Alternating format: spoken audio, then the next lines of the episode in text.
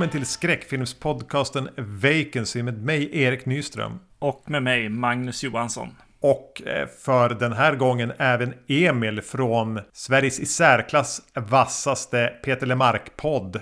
Peter LePodd. Välkommen Emil! Nej, men hej, väldigt kul att få vara med! Vad ska vi prata om då? Vi ska prata om skräckfilmen The Ring från 2002 och uppföljaren The Ring 2 från 2005. Första vågen asiatisk remake-skräck kanske? Ja, det här startade väl hela den, hela den vågen väl? För efter den här kom ju alla de här äh, Dark Water-remaken, Shutter-remaken, The Grudge-remaken. Vad hette den? Pulse? Pulse, ja. ja The, Eye också med uh, Jessica Alba va? Kommer det en remake på den? Kanske gjorde jag det. det. Ja, den har jag nog missat i sådana fall. Jag tyckte, jo, inte, jag, jag tyckte inte det originalet var speciellt bra. Nej, jag minns att det är någonting med en bilkö i en tunnel i den, tror jag. Jag vet dock inte om det är den japanska eller amerikanska eller båda. Och inte att förglömma eh, Mirrors. Nej, det var det jag sk skrattade till nyss. För mig själv här. och tänkte på Mirrors. Jag tror vi redan pratat när jag varit med i den här podden om att jag är sugen på att se om den lilla Kiefer Sutherland-filmen. Jag är alltid lite sugen på det. Det känns mm. som att det är en sån här eh, guilty pleasure-grej. Man kan ha ganska kul. Att man skulle säkert kunna göra ett drinking game på den.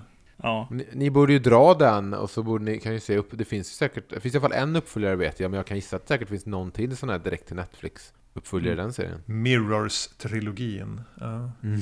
Det lät också som en ny Wishmaster. ja, det var senaste gången du var med Emil, tror jag.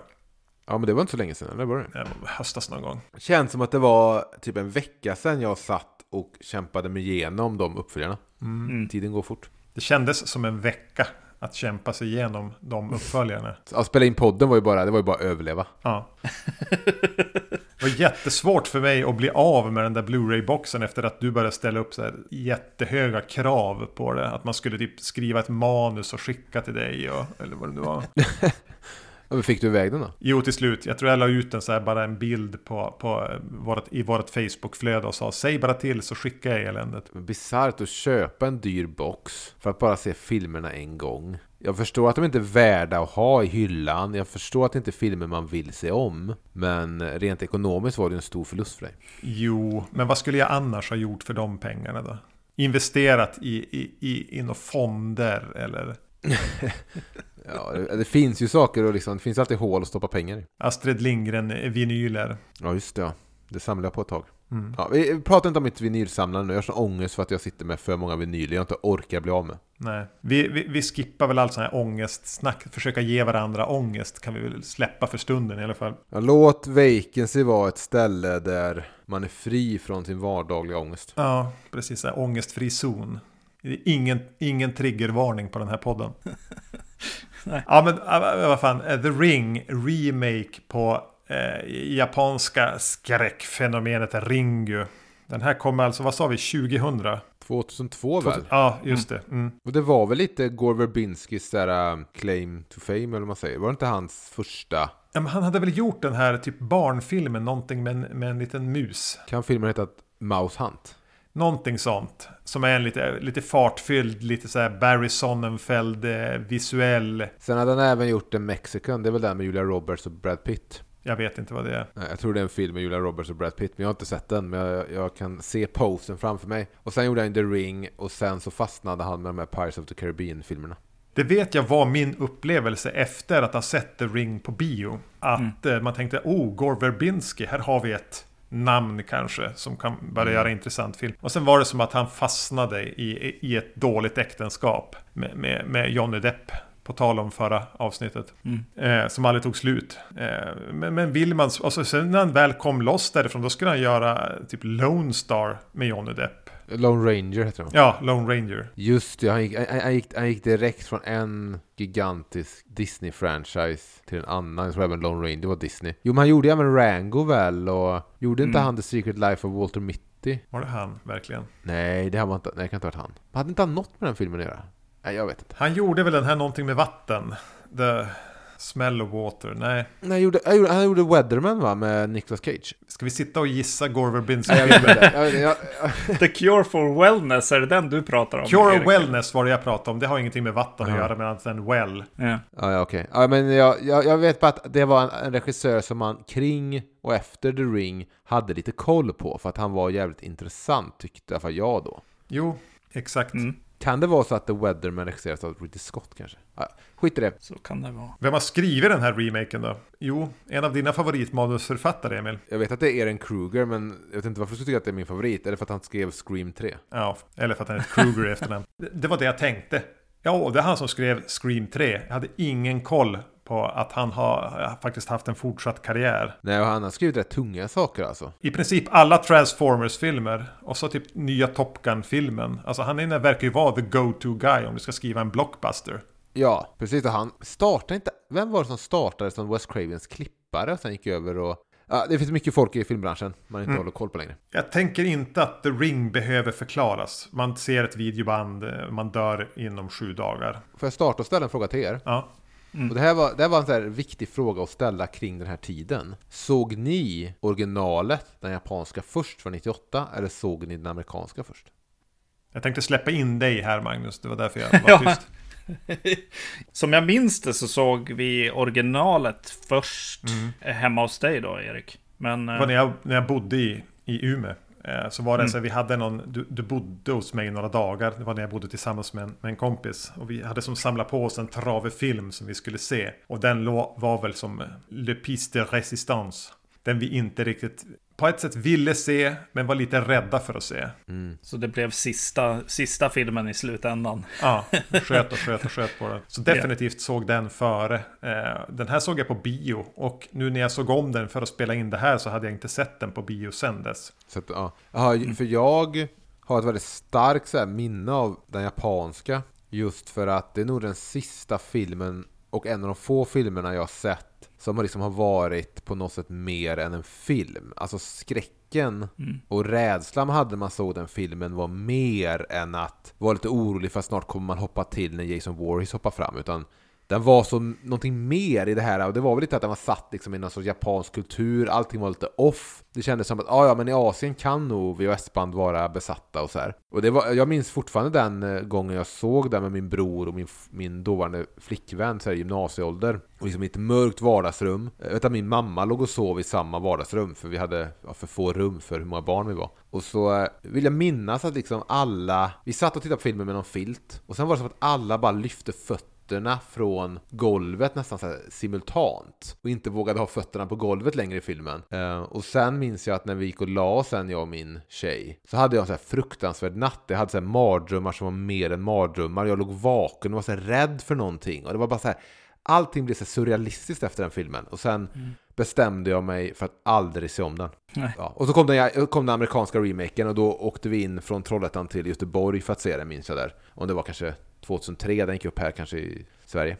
Vi har ju pratat om, vi har ju pratat om eh, originaltrilogin i avsnitt 137. Så har jag fått den lilla trista eh, fakta ur vägen. Ja. Har ni, har ni gått igenom några mer sådana japanska serier? Grudge också eller? Och... Ja, delvis. Eh, Eh, Ja, precis. Nej, men för att prata om, om eh, Ringu eller The Ring originalet så den har ju någonting alltså som, som kanske kändes lite som Blair Witch liksom på något sätt. Alltså den har ju en mystik hade en mystik kring sig, i alla fall för oss, redan när vi skulle starta den liksom. Och just att, att se en film om ett videoband på VHS med de här bilderna som fanns i videon. Det blev ju, det fanns ju någon slags lite så här uh, urban legend eh, känsla kring det liksom. Ja, The, Blair Witch Project är, är, är en bra, ett bra exempel på en sån film som också var, när man ska titta på den, var det lite mer än bara en skräckfilm. Mm. Jag vet inte om jag så, såg den här på VHS. nej, Eh, det var DVD. jag måste ha sett den på DVD. Mm. Och det Ja, det förtar ju lite var. grann. Det är någonting med hela Ringu eller The Ring eller vad man ska säga som Det var tio år för sent. Förstå att ha fått, ha, ha fått liksom låna den här av någon i högstadiet på VO, en så här kopierad VHS och se. Så hade det som byggt på den här Urban Legend-grejen. Det var snyggt om de har släppt den som en, en VHS och sen hade den fått liv bara genom kopior. Ja men Ja. precis. Att den på något sätt inte såldes utan att den bara, den bara liksom levde och blev mer och mer söndrig ju fler, ju fler kopior folk gjorde av den. Och så blev det... Det är en bra konceptfilm. Ja, men det är att gå för långt. Det, det är etiskt inte okej. Just det. Innan vi kastar oss in i The Ring så vet jag att eh, anledningen egentligen till att vi då för typ över hundra avsnitt sen gick igenom eh, de första Ringu-filmerna och sen även tvingade oss genom Juon eller The Grudge. Jag tror vi var det två filmer vi såg då. Alltså de japanska ettan och tvåan bioversionerna. Det är ett jävla eh, mosaik att få ihop. Var ju att den kommer den här Kayako vs Sadako. Den var jag jävligt sugen på, jag vet att vi har pratat om den. Men den har inte kommit till Europa eller Sverige än väl? Och inte USA heller. Eh, Så, så att jag ville ju som lägga liksom eh, the groundwork för att kunna prata om den. Och det har vi ju som Och då tänkte jag, ja men någonstans måste man kanske även hantera eh, amerikanska och eh, versionerna av, eh, ja men som vi gör nu, The Ring och även The Grudge då. Men i väntan, alltså på den får man väl bara... Men det svåra med, dels är det svårt tror jag med den här Ring-serien, i alla fall den japanska, finns det inte bra mycket fler än tre filmer nu med den? Alltså jag vet att jag kollade upp det här inför att vi, när, vi, när jag blev manisk kring det, och det här började vara några år sedan då, tre, fyra år sedan, var ju att om vi skulle göra alla filmer, remakes och eh, original, både Juon och Ringu, så skulle vi behöva göra 20, fi- 20 filmer innan vi kunde göra Kayako vs Sadako. Ja, för Sam Raimi gjorde ju en, någon sorts The Grudge remake för ett par år sedan. Och jag tror det finns, eller kommer en Netflix Grudge-serie väl och sådär. Och vad heter han? Hideo Nakata, han som gjorde Ringu, gjorde även en som heter Sadako för ett eller två år sedan. Det är sånt som har tillkommit efter att jag räknade igenom de här 19 eller 20 eller vad det var. Sadako 3D, den har jag sett. Berätta mer om, om det. Nej, jag vet inte. Eh, Det blir, det blir eh, åka av i den filmen. Eh, Mycket, mycket 3, 3D-effekter och spindelflickmonster och grejer, om jag minns rätt här. Det hände en del där. Inte bäst. Nej, men det... Men nu minns jag inte vad ni pratade om i det. Jag lär lyssna på det, men jag minns inte vad ni, vad ni pratade om i det, i, när ni pratade om de japanska filmerna. Men jag vill minnas att det, det går väl kanske att jämföra sen med de här två amerikanska, men första andra filmen där i alla fall minns jag som att båda höll väldigt hög klass. Även, alltså, även uppföljaren minns jag har en sån slutscen som för mig i alla fall också blev lite ikonisk och var jävligt läskig i en korridor.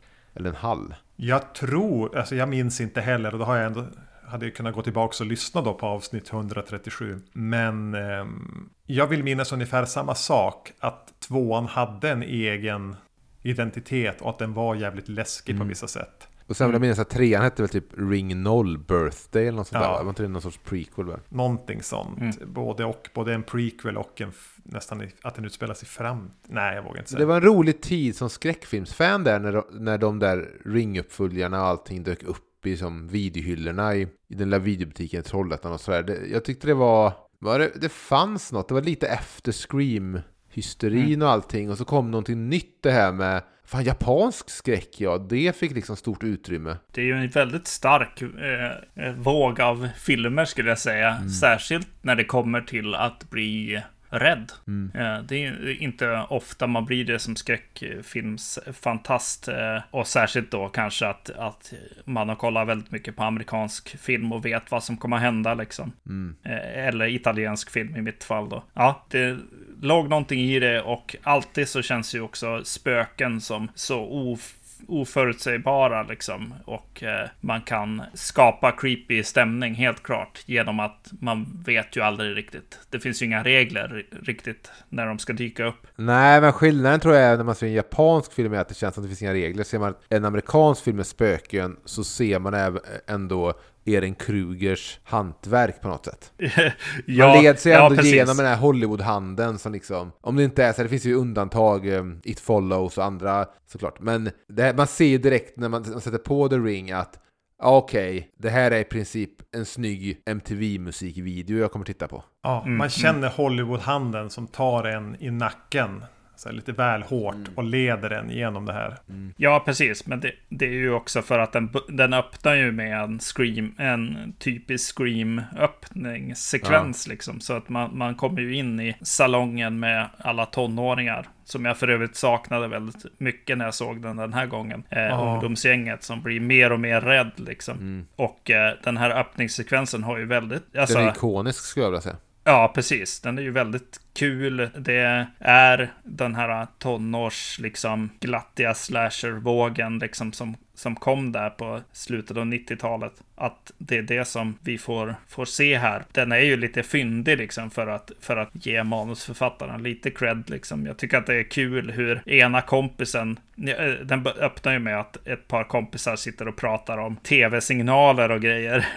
Och ena kompisen är så här lite så här konspirationsteoretiker och, och börjar prata om hur hemskt eh, det faktiskt är att vi tittar så mycket på tv och att vi får massa elsignaler genom huvudet och allting. Och jag tycker att det är roligt hur kompisen då helt plötsligt säger "Ja, jag har en bättre än och berättar en, en spökhistoria. Ja, men jag tycker ändå att när man sitter, jag tycker det funkar bra, för dels tycker jag att det är någon sån här dov, tryckande stämning i den scenen med dem i sovrummet. Det är Ja. bra skådespel som också är rätt så dämpat. Sen vet jag att om det var i Scary Movie 3 så gör de ju parodi på den här scenen. Eh, Och jag vill minnas att den var lika snygg, men det är väl Pamela Anderson, och om det är typ Carmen Electra, eller någon istället. Eh, då är det en spoof på den. Och det, det kanske är därför jag känner att den är så ikonisk, men jag tycker verkligen den är så här Drew Barrymore i första scenen i Scream Ja. ikonisk. Jag tycker den här, den här scenen är skitbra. Och det, när hon går ner, jag får fortfarande lite rysningar när, hon, när tvn går igång och hon ser, hittar fjärrkontrollen, stänger av tvn och så ser vi henne liksom gå tillbaka mot köket och så ser vi bara i fönstret bredvid henne hur tvn går på igen i reflektionen. Jag tycker det är här, snyggt och så det är så här gröna sjuka filtret som ligger på filmen. Jag tycker ja. Jo, men det är bra, bra liksom, både den här stämningen som de har mellan sig lite grann eh, och att eh, det är många, det är många liksom, det är nästan komiskt till slut. Men det är många så här bra, eh, halvbra eller bra, till bra build-ups till vad som brukar vara eh, jump scares, liksom. Ja. Lite fake-outs. Eh, och eh, jag tycker att de, de funkar riktigt bra. Jag tycker att det är otäckt när en av dem bara försvinner ur scenen också. Var, vart fan försvinner hon? Ja, precis. Eh, Så det blir obehagligt hon, i ja, det- sig. Jag kommer Liksom. inte ihåg nu, för hon har ju inte ens sett bandet, kompisen. Nej. Men ändå Nej. på något sätt försvinner hon bort. Hon kanske gick på toaletten eller någonting, men ändå... Hon ropar efter Ja. henne och hon får inte tag i henne. Det är som att hon glider in i, i, i eh, en parallellt eh, universum Ja, där på något vis. Där, där hon inte kan Mm. höra henne. Men det är väl bra. Men här, här är det också snyggt för att det verkligen bara är så här hantverk. Det är så här en skicklig regissör som har ett visuellt öga. Det är en bra fotograf. Det är inte massa datoreffekter eller överdrivet skådespel eller någonting. Det är verkligen bara en stabil jävla tryckande scen. Den känns nästan mer så här sjätte sinnet Mhm. för mig än liksom en, ja men du vet så här, random skräpskräckis från James Wan. Och jag tycker ändå så här att den här tryckande stämningen, den är som redan när vi kommer in lite sorgtyngd på något sätt. Och även när Naomi Watts då kastas in som en, hon är väl en släkting till dem. Är det så att hon är typ moster eller in, ja, hur det nu är. Ja, moster, typ. Mm. Ehm, Att när vi presenteras för henne och att hon ska åka på den här vakan och sånt och att alla är ledsna och hon försöker prata med sin syster och hennes man och det är så tungt och sorgfyllt att jag, uh, det är som en jävligt bra stämning. Jag är jävligt pepp på, på, på den här filmen en bit in även när Naomi Watts kommer in. Mm. Mm, hon är också så här, jag tycker hon är, hon är ju en så stabil skådis Ja. och det så, var så jävla smart att de, jag vet dock inte riktigt hur Naomi Watts karriär såg ut här, det kunde man väl kanske kolla upp hon hade varit med i sådär, men hon bär ju mycket av filmen med sina axlar och gör det jävligt bra för att hon är en riktig skådis.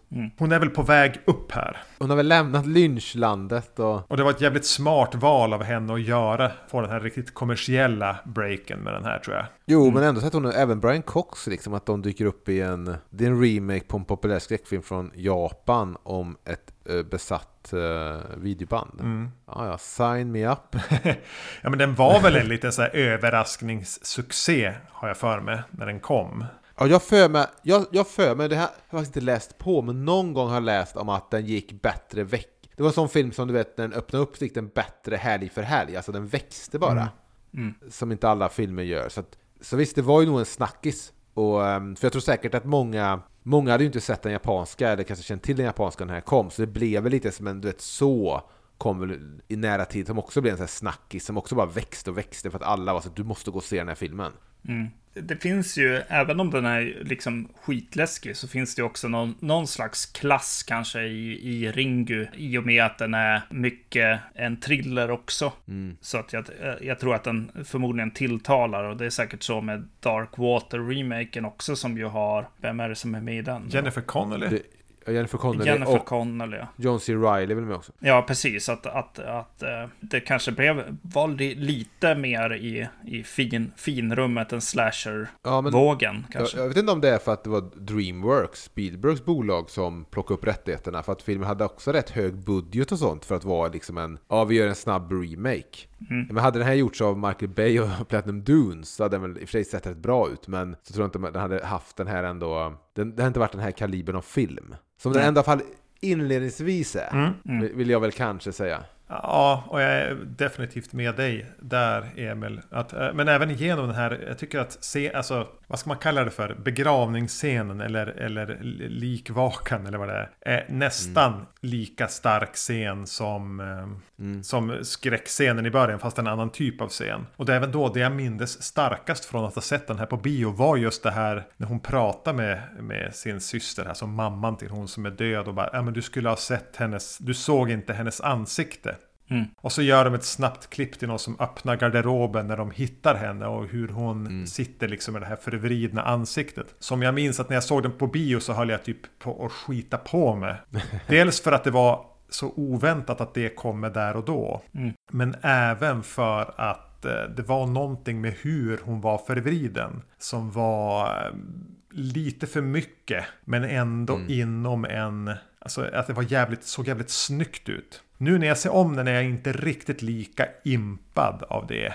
Kanske. Nej men för då var det också en av de här ikoniska bilderna från filmen. Ja. Det där snabba klippet, garderobsdörren öppnas väl och hennes, hon faller ner med huvudet. Mm. Och jag vill minnas att det var typ en sån sak, du måste bara se den här filmen, vänta bara, du kommer se någonting i början av filmen som är typ helt jävla galet. Mm. Det jag märker här, dels är den här begravningsscenen som är väldigt tidigt, och innan så är vi presenterat för Naomi Watts och hennes son. Jag vet inte var, jag tror att det känns som att de har valt att skriva sonen som typ eh, han Joel Osment i Sjätte sinnet. Mm. Men det finns också någonting i att okej, man ska skriva en skräckfilm, det ska vara en, en remake, men nu minns jag inte riktigt hur den japanska är, vilket är dumt kanske. Men det känns bara som att man ska ge lite cred till Eren Kruger att det känns nästan som att han skrivit ett drama mer, för att han skriver så här riktiga karaktärer. Det är inte bara mamman och barnet, utan det är så här... Uh, det här barnet får vara ändå en karaktär som är lillgammal, konstig, vill inte kalla sin mamma för mamma. Sen när begravningsscenen kommer så känns det också som att det här är inte bara en begravningsscen i en skräckfilm, utan de har verkligen låtit till exempel pappan vara en karaktär när han sitter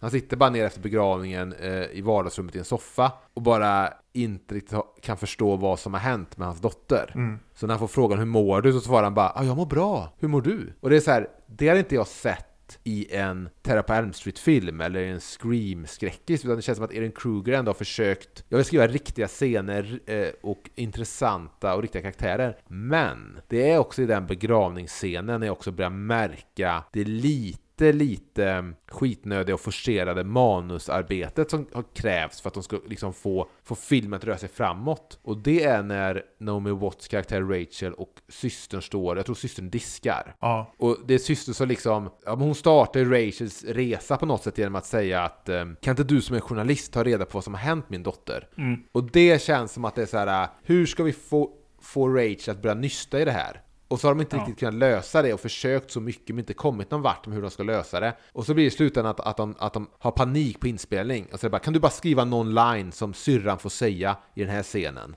Så att hon går ut och börjar prata med kidsen, den här döda flickans vänner. Det är så jävla skitnödigt att hon bara skulle börja ställa den, du vet, be sin syster bara, kan inte du nysta lite varför min dotter dog? För du är ju journalist och ja, det, det känns väldigt bara skrivet för mig. Och sen kommer det fler, mycket fler sådana repliker även där ute när hon går ut till de här kidsen, tar en cigg med Ja. dem, ska spela cool. Och den här OC, han som sen skulle vara med i OC, jag minns inte vad, den- jag minns inte vad den skådespelaren heter. Men när han från ingenstans börjar prata om, han bara berättar att ja, det handlar om ett videoband och, eh, och du vet, de kan inte liksom... Det är också väldigt skrivet på något sätt. Ja. Ja, precis. Den där mamman skulle verkligen inte behöva en journalist för att få ut någon information från de här tonåringarna. Utan bara att någon går ut eh, och säger hej. eh, Gör att vi får hela, hela startskottet här för, för hur allting liksom ligger ihop, eh, sitter ihop.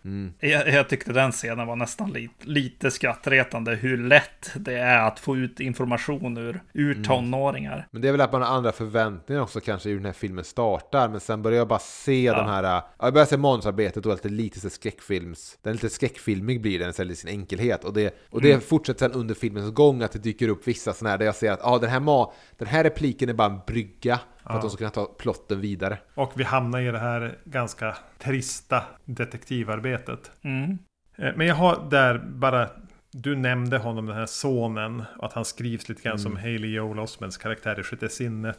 Mm. Varför antyds det att han skulle ha, eh, vad heter det, syn, vara synsk eller vara den typen av förmågor? Vilket är första scenen när de presenteras. Är det viktigt för resten av historien? Uh, rätt att han sitter, i, i, i, sitter kvar i skolan och hon är försenad. Ja, exakt. Då har han ju ritat bilder på, på någon som är död. Jo, hans kusin dog igår. Han var, hon var jättenära för honom. Ja, men han ritade ju de här förra veckan. alltså det, okej. Men det är inte syns, är, han- han berättar ju sen för Rachel rätt snart att hon hade pratat, den här flickan som är död hade pratat med honom om att hon skulle dö. Så under, de, under den veckan som hade gått från att hon har sett bandet har hon ju någon gång hängt med honom eller passat honom med någonting och berättat att hon kommer dö. Det missade jag. Mm. Då rätade du ut ett frågetecken. Men vilken olämplig eh, relation att ha med sin så här sju år yngre, här, nioåriga Jo, kusin. men om du, hade, om du hade sett ett band, sen börjar se syner och skit och du hör någon som ringer på telefonen och säger du kommer dö om sju dagar. Jag tror att man inte riktigt ska döma någon i hur den hanterar den situationen. Faktiskt, jag ber om ursäkt, jag vet att du jobbar. Med att döma människor.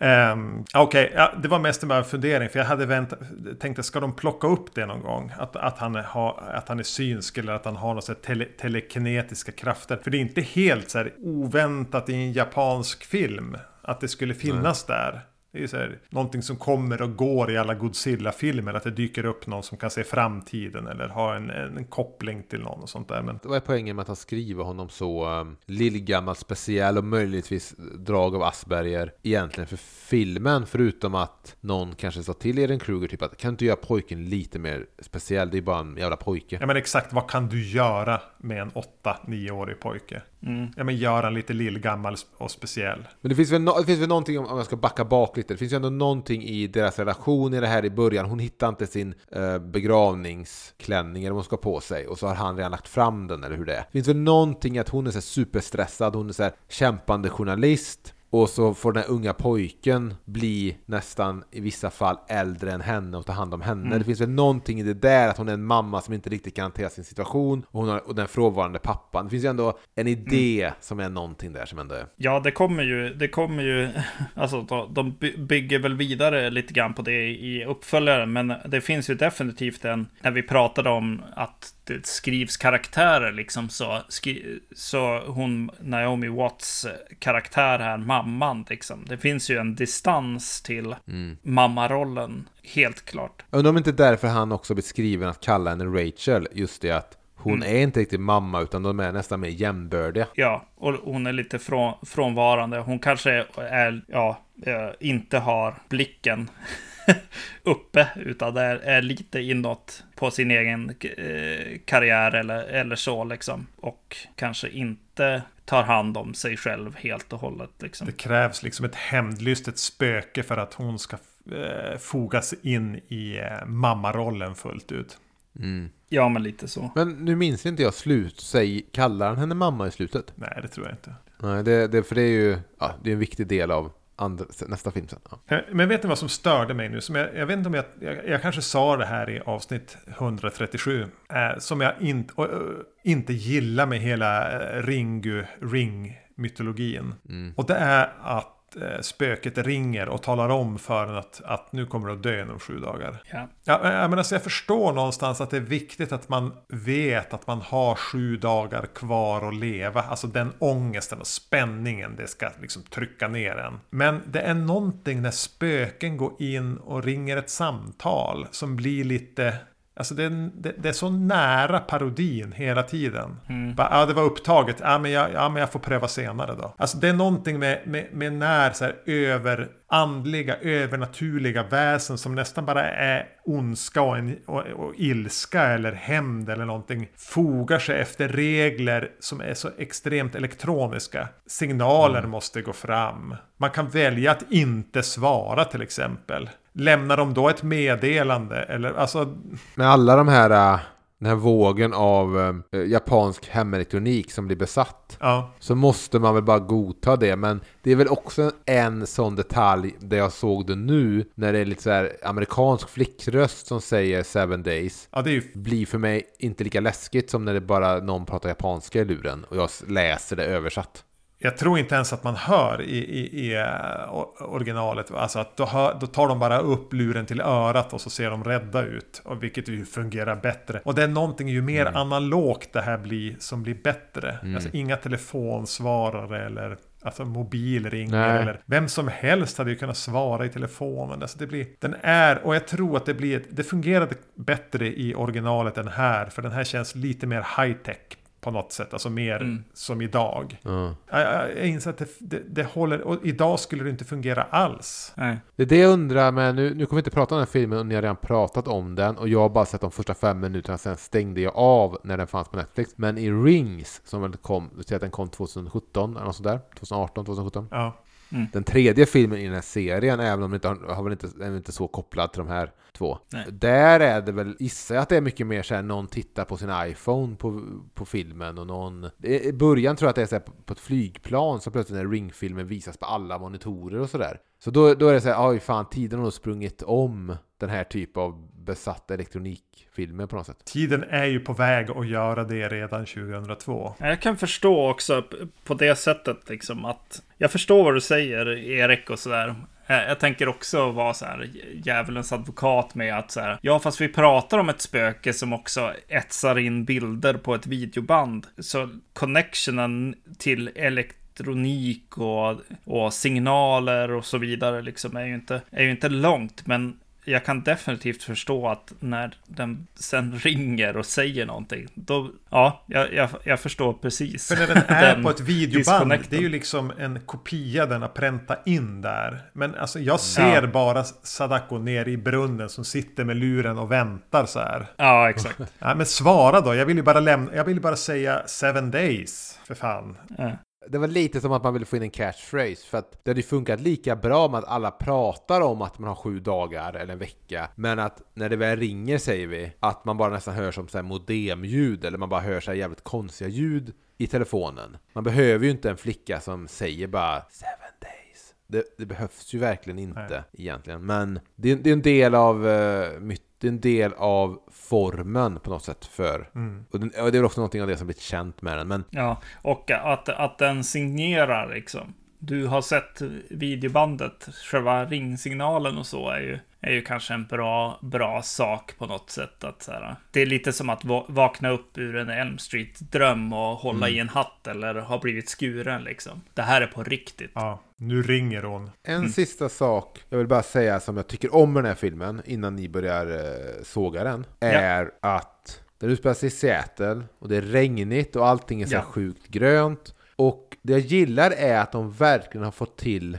de har verkligen fått till ett universum och en miljö där jag känner att den sträcker sig utanför bilden vi tittar på. När hon jobbar på den här tidningen så får vi verkligen se liksom en tidningsredaktion, det är ett djup i bilden, det är mycket folk som jobbar överallt, det är saker överallt. Hon står ute på balkongen och tittar ut på sina grannar i huset mitt emot hur alla Mm, mm. lever sitt liv med lite löjligt att, de, att det ska vara så här hur alla vi har tvn i våra liv på något sätt. Någon sån där grej vill göra. det, det är lite, för jag förstår inte riktigt vad, vad det är egentligen för filmen. Men Det finns någonting i filmen där jag alltid känner, eller när hennes ex då, pappan till Aiden, är i någon, någon 7-Eleven eller någonting. Så känner jag alltid att det, här, det känns som att det är inspelat på location, det känns som att vi får se en värld. Mm. Jag vet inte vad, vad riktigt som gör att det, det, det är mer intressant här än i andra filmer, men i skräckfilmer tycker jag alltid det känns så litet på något sätt. Men här tycker jag verkligen det känns som att vi får en inblick i liksom ett universum. Mm. Ja, utöver kanske det lite så här tafatta referensen till fönstret mot gården med mannen i rullstolen där med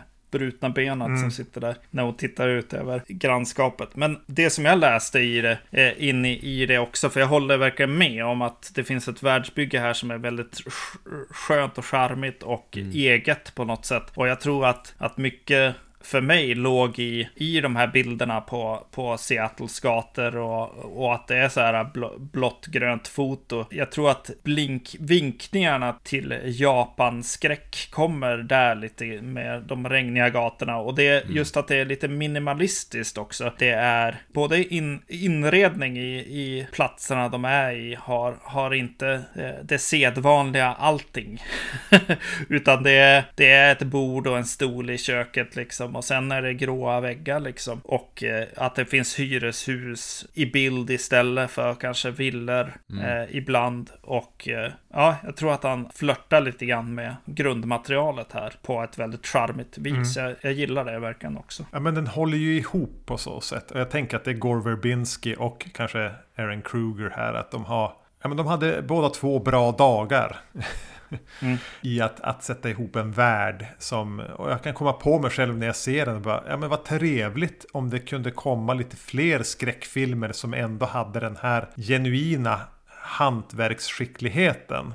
Ja, precis. Det känns nästan som att det är så här, i början så här, det, när hon är på den här nyhetsredaktionen och allting, på den tidningen. Alltså jag känner så här, men det här är ju någon så här, nästan den Finchers dämpade, tunga kvalitet. Som vi startar den här filmen med. Jag gillar verkligen det. Men sen tycker jag väl att när väl det detektivarbetet går igång. Ja, gud. Vilket jag gillar, och jag gillar också miljöerna hon tar sig till, ut på den här ön, färjan och allting. Det- Allt det gillar jag. Men det är lite tråkigt, och det här kanske också gäller den japanska då, men det jag tycker är tråkigt är att det här videobandet får inte bara vara någon sorts lynchig, skum jävla upplevelse, utan varje detalj som förekommer i det här band, på det här bandet Mhm. så ska, ska sen liksom vara en del av handlingen framåt. Stegen, den ska vara med. Tusenfotningen som man bara tolkar som ett läskigt liksom inslag, ja, den ska hon stöta på. Och det gör, känner jag, att det blir lite mycket så här. det känns Wallander eller Beck för mig, att det är så här, ja det är bara ledtrådar som vi sen ska se hur de binder ihop i storyn. Det fick inte bara vara så här skönt lynchigt och lite läskigt och lite... Nej. Inget fick bara vara för att det är skumt.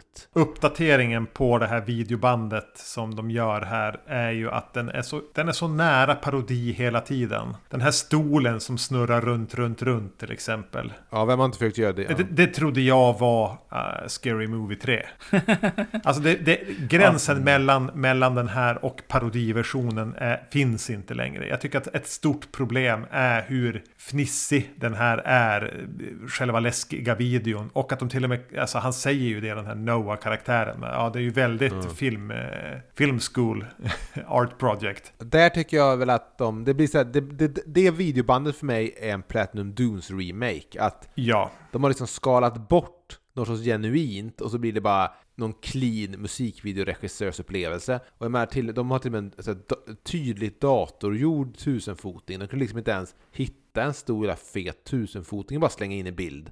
Utan, ja, den, den- är för, den är för genomtänkt och för planerad och för fotad exakt som de vill ha den. Det finns inget slumpmässigt med den överhuvudtaget. Till och med ett träd som syns har sån otrolig betydelse i slutet och det blir, det tycker jag blev lite tråkigt. Ja, precis. Ja, jag skrev upp det väl, väldigt mycket som en fråga, fråga till er. För jag kände, kände ju definitivt att oj vad de har suttit och skrivit och designat och liksom tänkt och, och sådär. Är det, kommer de i den ordningen som de är på bandet? Och tittar vi bara på, på en två timmar lång vision av bandet där allting kommer i rätt ordning. Kan jag, kan jag spela bandet, tänja ut det och se, se samma bilder liksom.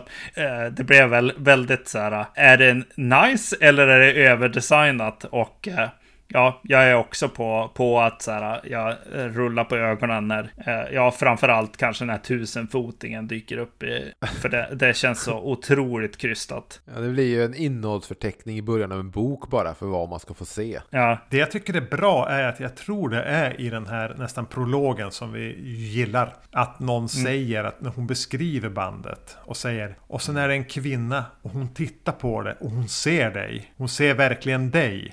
Och det tyckte jag var läskigt när hon sa det. Och så när det kommer i filmen, hon som står och kammas och tittar sig om, så är det som att de inte har haft dem... För sättet hon tittar in i kameran då är inte så...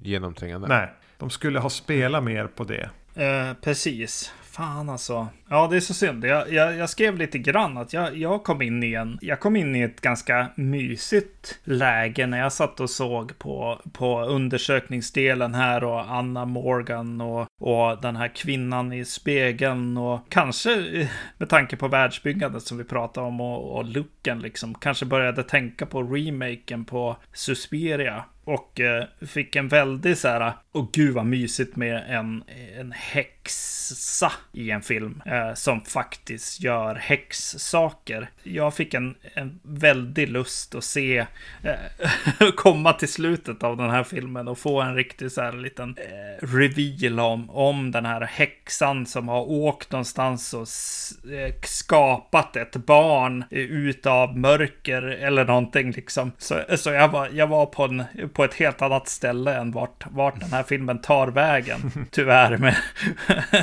jag, jag gillade där de pratade om att nej, de åkte iväg en stund och sen kom de tillbaks med ett barn. Och då, då, då kände jag att bara, åh gud, vart kommer det där barnet ifrån? Liksom, vad är det för typ av häxkonster som har skapat det här barnet? Det fanns väldigt eh, charmiga tankar där för mig i alla fall, Ja. i mig. Men de krokar inte i någonstans utan istället så flashar de Nej. lite japanska tecken här och där. Mm. I princip som att jaha, de hämtade ett japanskt barn. Och Ja. vi vet ju alla hur de är omöjliga. Alltså Mm. det, jag fick nästan de vibbarna, men jag tror inte man ska dra det för långt. Det är som att det är så här outvecklade idéer kanske snarare än att, de men, alltså, än att, den, att den är genomsyrad av ett Japan-hat. Bitterhet från andra världskriget tror jag ju inte ligger, i- ligger i den här. Men borde de, eh, när de gjorde remaken, borde de tänkt om lite och inte bara försökt göra det videobandet igen med typ, det, det skiljer sig lite men det är typ Ja. samma bilder. Jag tänker på om de kunde liksom gjort en ny take på det på något sätt. Gjort en mer amerik- alltså försökt införliva amerikansk kultur i det eller någonting. Liksom doppar den i någonting som är eget. Ja, eller någonting helt annat än att bara man ser bilder och sen är det lite brus. Jag vet, ja, jag vet inte, men det blir har man sett den japanska så är det så otroligt urvattnat och se den japanska. Om vi pratar just om Jo, det är bandet. verkligen. Det, det, finns, det finns ju inget läskigt i det bandet egentligen. Visst, jag tycker det är någonting när hon står och kammar sig, så det finns någonting i det där, men... Ja, eh, då skulle inte de ha gjort mer. lite payoffen att hon tittar på en med en sån genomträngande blick att man känner att Gud förbannat, hon ser ju mig. Även jag som tittar på filmen The Ring Mm. känner det. Eftersom de har planterat det i dialogen. Men nej, nej. Nej. Eh, Men, men, men nej, alltså jag, den är jättelång den här filmen. Mm. Och eh, när det handlar om vad som gräva i arkiv och hon rekryterar då Noah här. Jättetrist person. Vanvettigt tråkig han. Att, att göra samma sak som Mm. hon fast typ parallellt. Ehm, nej, där, där tappar den mig lite grann. Att det får pågå i nästan två timmar det här då. Mm. Då vill man hellre se Zodiac igen. Ja, då hade, jag hellre, då hade det hellre fått vara Mark Ruffalo. Och, och Robert Downey Jr. Men han är, han, är väl, han är väl sympatiskt snygg den skådisen och jag vet att de försökte ju.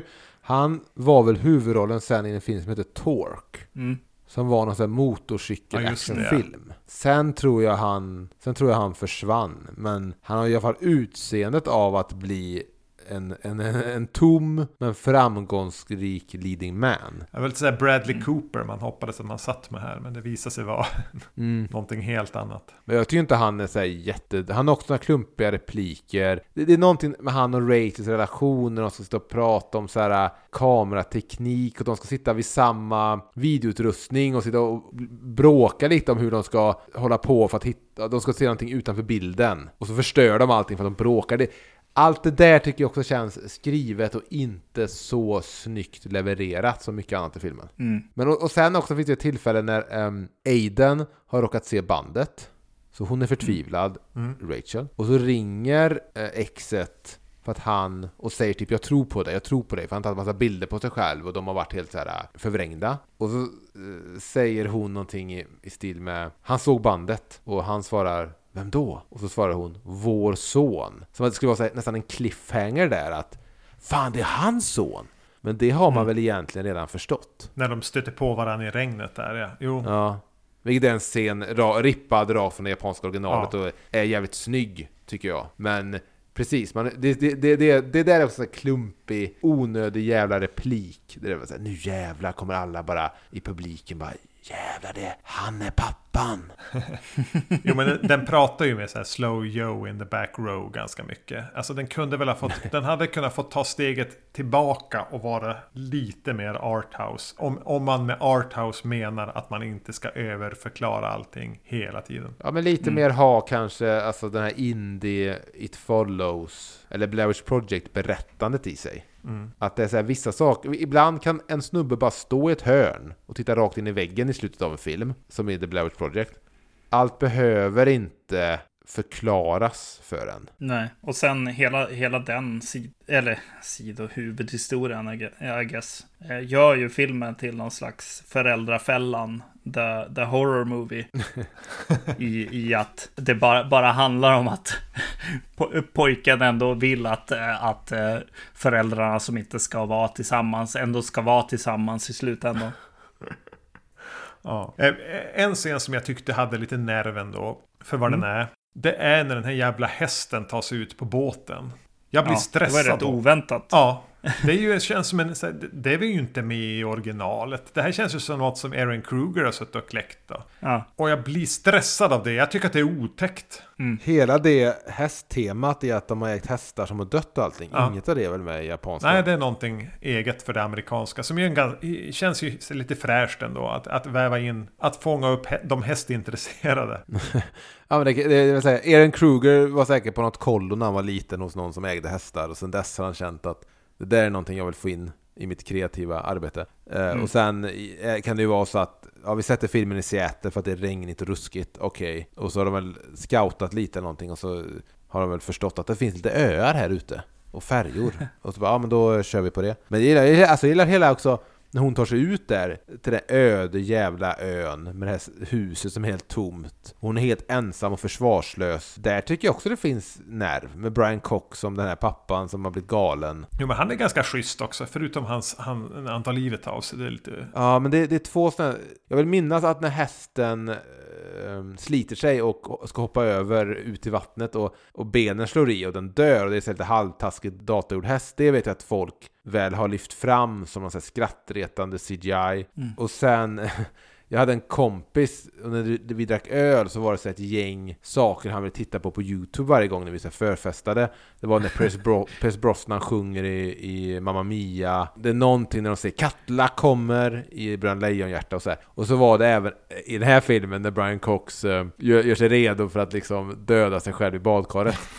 Med all jävla elektronik han har dragit in där för att verkligen se till att han ska... Han ska verkligen inte överleva när vattnet går, eh, går igång där. Ja. Så ja. Jag vill att Brian Cox ska funka alltid. Ja, jag tänkte det. Du har en kärlek till Brian Cox som inte riktigt står i proportion till vad han har åstadkommit på duken. Ni vet Nej. om att han har spelat mot Robert Englund? Nej, det visste jag inte. Har ni inte sett den filmen? Jag tror den heter Red. Nej, jag har inte sett den. Någon som dödar en hund och så. Kanske. Ja.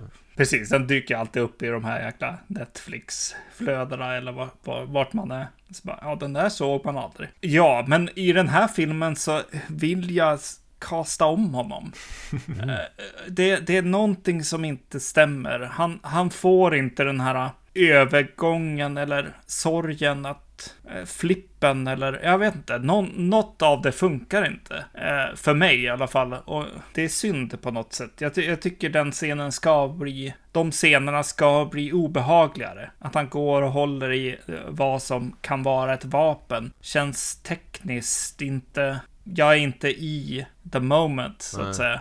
Ja, nej, jag tycker det är lite synd. Jag alltså. tycker det är tillräckligt otäckt. Mm. Men det är just för att hon är så försvarslös där ute. Jag vet att det, ingen kan hjälpa henne, ingen kan rädda henne. Och Brian Cox är ju, menar, han är stor i filmen och hon är liten och han, han Mm. är, jag tycker han är obehaglig men sen, som sagt det finns väl en anledning till varför man tittar på den där äh, badkarscenen när man förfestar. Den, är, den, den slår ju över och blir lite komisk. Men, Ja. men att den här filmen tar sig väl, för att vara liksom en sån här beckdeckare och allting. Den, jag har nog svårt och nu i efterhand att koppla ihop alla skenen i filmen. Varför hon åker ut dit medan han Noah bryter sig in i något arkiv på något mentalsjukhus. Och det, den, den, det är väldigt mycket story i filmen. Den är lite för noggrann ibland, kan jag, tän- kan jag tänka.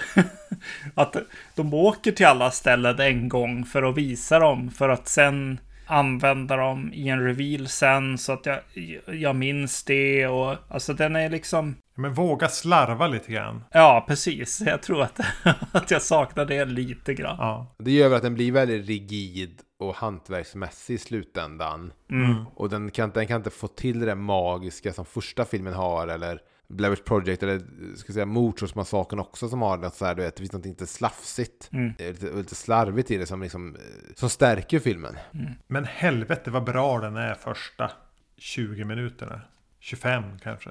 Mm. Ja, och den, den höll, nog, höll nog fast mig mer liksom eh, nu också. Jag tyckte att det var skönt egentligen. Jag tänkte så här, ska jag se om Ringu eller originalet här och få, få kontrasten till den här podden? Eller ska jag faktiskt se den som en film liksom? Ja, den blev lite bättre. Jag tror att fotot och världsbygget och, och kanske en del av lugnet som den ändå har liksom Ja. i, i att vara en skräckis är lite skönt och eh, just att, att den bygger karaktärer som man kan fundera på kring lite grann. Det är ju nice. Och så tror jag att mycket var ju min eh, fanfiction som byggdes upp under, under färden med, med det här häxmotivet liksom, som eh, hjälpte upp den eh, lite längre in i filmen än, än vart ni hann komma i alla fall. Men eh, inte mycket längre. Ska vi ta oss till slutet på den här filmen då eller? För att det finns ju liksom, det, The Ring, eller Ringu då, den japanska, är ju som kändast för en scen. Mm. Och det är ju slutscenen. Och det är också det är en av anledningarna till varför jag bestämde mig där när den nu kom till Sverige, 2001 kanske, eller när den nu kom, att aldrig se om den. Det var ju liksom när jag satt där i soffan med min bror och min tjej, och det slutet kommer, som jag då nu inte riktigt minns, för jag har inte sett det på länge, men när Sadako, som hon heter i den filmen, kommer upp ur brunnen och de vägrar, liksom, bandet slutar inte, liksom, det stoppar inte, utan hon bara kommer mot skärmen och sen så börjar hon liksom gå ut ur tvn. Ja. Det känns så jävla liksom gjort bara i kameran i den filmen som jag minns det. Och det är så jävla läskigt. Mm. Så jävla obehagligt och det är den ikoniska eh, scenen. Så det är väl det man inte fick fucka upp när man skulle göra remaken på ett sätt. Mm. Och här väljer man att klippa från det. Ja, och också, ja precis, man klipper från, man klipper väl till och med till eh, den här parallellklippningen mellan att eh, hon, hon ska komma ut ur tvn och att Rachel försöker eh, rädda honom. Ja, hon kör dit Men i och- bil, så det är typ en biljakt nästan. Men också att de har lagt till massa effekter så att hon ska brusa till och hon ska hoppa till och, och så att liksom den här videobandsgrejen liksom är av någon anledning liksom ingraverad i henne som person. Ja. Vilket är helt, Ja. ja. Så det, då, då blir det verkligen, ha nu tittar jag på en, en Pla- Platinum Dunes remake. Ja. Det här är inte mer, det här är bara, det här är gjort för att vara snyggt, men det, ett, det är inte snyggt. Och två, det, det är inte läskigt överhuvudtaget den scenen. Nej. Det var, det, det var redan på bio minns jag. För då hade man ju det färskt i minnet, du vet, Ringu, du vet, den läskigaste filmen någonsin. Jag kommer aldrig se om den, aldrig i livet. Och så kan man se den här filmen, och så, och så väntar man ju på den jävla scenen. Och så kommer den i biosalongen och man bara, det här är ju, det här är så jävla bärst. Ja. Ja, och eh, effekten av scenen även i originalet avtar ju för varje gång jag ser den, tyvärr. Ja, så är det väl säkert. Men jag minns ju själv även precis som det var för det. Så det här var, det var när jag såg det första gången bland det otäckaste jag någonsin sett. Eh, här är det inte det, det alls. Det känns för utstuderat. Där, där, I originalet är det lite filterlöst. Mm. Mm. De visste inte vad de gjorde när de skapade den scenen. Nej, det är verkligen det här, det läskiga i att bara låta kameran rulla. Och du vet, och du vet Mm. inte, menar, i den amerikanska den, den försöker klippa sig läskig, den försöker använda effekter för att göra sig läskig. Medan japanska är bara så jävla ren i en jävligt läskig idé. Mm. Att det är någon som sakta tar sig upp ur en brunn och går mot oss och mot eh, tvns skärm. Och sen bara passerar det, där- den där muren vi trodde vi hade där. Ja. Mellan fiktion och verklighet. Ja, på ett fysiskt liksom korrekt vis. Eh, Ja, det är verkligen på riktigt i, i originalet på något sätt. eh, Är känslan. Det här händer. Och det gör det ju definitivt inte med, med när man lägger en i princip en, en effekt som visar den fjärde väggen liksom. Med det här störningen som hon har kring sig liksom. Det här videobruset. är jättesynd ju, för då är hon ju inte på riktigt. Då är hon ju en, spe, en bild av någonting. Ja, Ja, nej. och sen... För det jag minns från den japanska sen är att de... Det är ett sorgligt slut där de bestämmer sig för att vi måste visa det här bandet för någon som liksom kan dö med bandet. Så de åker och visar det för om det är morfarn. Ja, För exakt. att han ändå är gammal. De offrar liksom den här gamla morfarn då för att bandet, den här kedjan som uppstått med det här bandet ska dö. Men här Mm. å, lämnar de väl bara staden i slutet? Ja, de ska ju ge bort bandet. Eller få någon annan att se det. Men de nämner ju inte vem. Mm. Utan eh, de sitter ju bara och kopierar den och säger vad fan håller vi på med i princip. Mm. Jag var lite orolig att jag hade slumrat till eller druckit för många öl när jag såg den och inte mindes den här morfarscenen. Eller någonting. Men det är bara så att, att det, det fejdas som ut där. Att man ska lämna den vidare grejen. För det är ju en dålig förbannelse på så sätt. Alltså den är ju inte som, som eh, It Follows då som går tillbaks till Nej. den som hade det tidigare.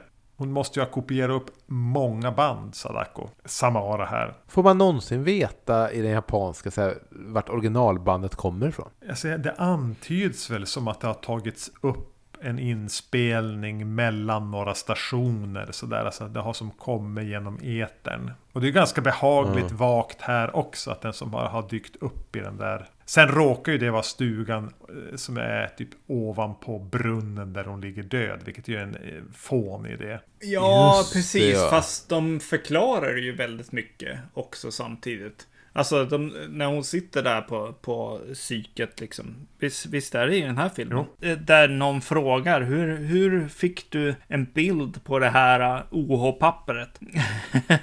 och, och så, hon förklarar det i princip så här. Ja, ja, men jag gjorde det på det här sättet. Och det är klart att hon har gjort samma sak i brunnen, I guess. På, på videobandet är väl det man man ska tänka då. Att det är en, det är en, eh, en magisk ability som hon har liksom. Ja, det är lite töntigt. Ja, för... Okej, så då... Hon, hon liksom puttas ner i den här brunnen. De sätter på brunnslocket. Sen bygger någon en stuga där på. Och på något sätt då så hamnar det här bandet med hennes magiska förbannelse. Det hamnar liksom bland banden i den här stugans, eh, vad heter det, reception. Där har det alltså då bara varit, jag trodde bandet var ett sånt, jag trodde kassettbandet liksom, videobandet rörde sig runt i världen och det spred från Mm. person till person. Men då, då står det liksom bara där i bokhyllan. Kan det vara så då att de här kusinen till Aiden och hennes kompisar var de första som påträffade bandet? Ja, alldeles för lång tid efter att hon hamnade där. Så hon har ju typ suttit och kämpat med de här sändningarna i typ över 20 år i sådana fall. Jag suttit med sin telefon Ja. där nere. Ja, och, och ringt När och får jag ringt. ringa?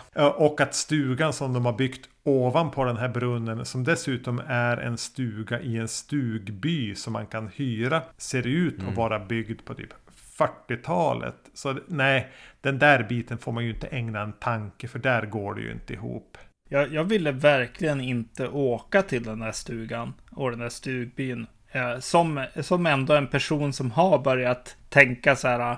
Ja, men i sommar kanske vi ska hyra en stuga någonstans. Fan vad det, det, där, det är det sorgligaste jag någonsin har hört. Ah, Pandemin gör saker med folk. Man får såna här idéer om att man vill umgås med andra på sätt eh, som man aldrig någonsin har velat umgås med någon. Nej, Ja, jag, exakt, exakt. jag pratade med någon om att så här, ja, men man kanske åker ner till Varberg till det här kommunistiska hotell Gästis som finns där, Leninbadet och det här. Och så, och så, Mm. så här, ja, vad gör man där då? Jag bara, ja, det, ja, det finns ett spa tror jag.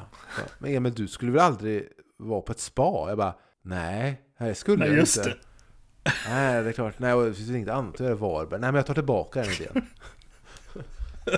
Vet ni vad? Vi, vi går vidare till The Ring 2. Ja. Eh, Ring, The Ring 2, som den heter, från 2005. Det är ju en lite halvrolig titel att, att det är utskrivet 2. Mm. Gav mig problem när jag skulle hyra den, för jag ville kolla upp vart den fanns. Men jag sökte ju på The Ring och en tvåa. Ja, Så jag hade först problem att hitta den, men det måste ju finnas någonstans, vad fan. Eh, men sen hittade jag den när jag förstod dess korrekta titel. mm. vi kanske hittar en anledning till att den heter 2 här. Jag hittade den i min DVD-samling, vilket var en liten överraskning. Men jag hade det någonstans, ett vagt minne av att jag har köpt den. Och tydligen en sån här brittisk utgåva. Så jag har ju någon gång sett den här och uppskattat den så pass mycket att jag valde att beställa den från England. Jag tänkte att, det kanske, att du kanske hade någon box Nej, där du blev fast med tvåan för att du ville ha ettan. Men, ja. Det känns ju som en rimligare förklaring. Men eh, tydligen inte. Det som är spännande med den här egentligen. Aaron Kruger har skrivit den också. Det är väl inte jättespännande. Men kul att man eh, väljer att använda samma författare som till första filmen. Eh, och att den här då stakar ut en egen riktning. Det är ingen fortsättning på eh, Ringu 2. Det är att man då har lockat över Hideo Nakata som ju regisserade väl åtminstone de två första Ringu-filmerna till att göra den här. Och att han tydligen hade en sån fruktansvärd upplevelse av de här inspelningarna och tyckte att bolaget la sig i allting. Att han eh, sa att han aldrig mer skulle arbeta i Hollywood. Och har sagt att han tycker att filmen är fruktansvärd, det är skit, ser den inte. Jaha, men okej, då hade det varit intressant. För jag var överraskad av hur beige den ändå var eh, med tanke på regissören. Men då undrar jag hur eh, hans originalvision var. För han har ändå arbetat utifrån Aaron Krugers manus. Ja. Men det var han, han tänkte då. Ja.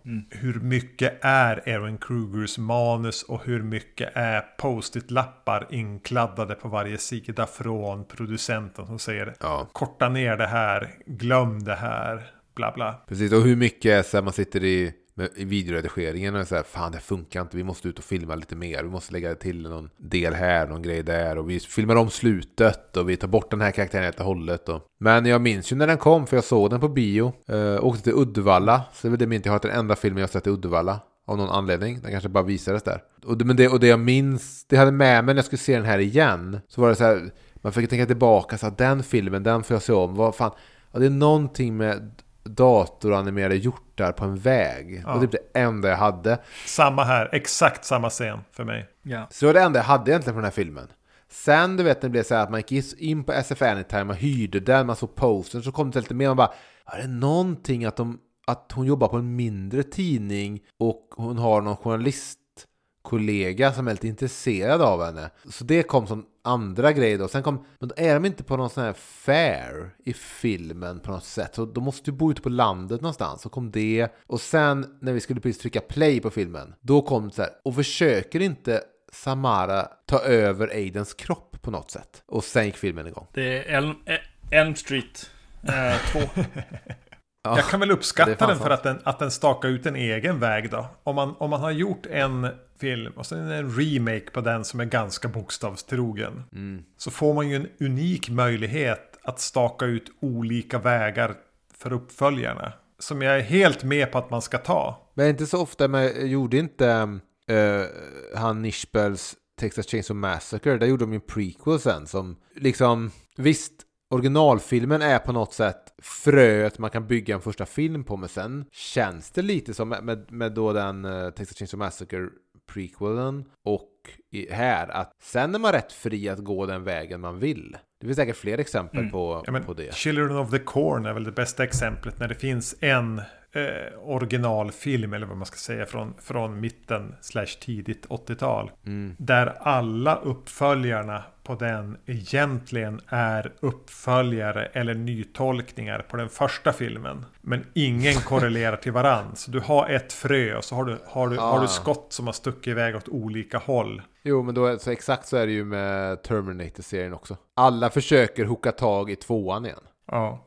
Um, Skillnaden mellan de två serierna är ju att ingen bryr sig om Terminator-serien längre. vänta nu, så du menar, att det finns, du menar att det finns folk som någon gång någonsin har brytt sig om Children of the Corn-serien? Absolut.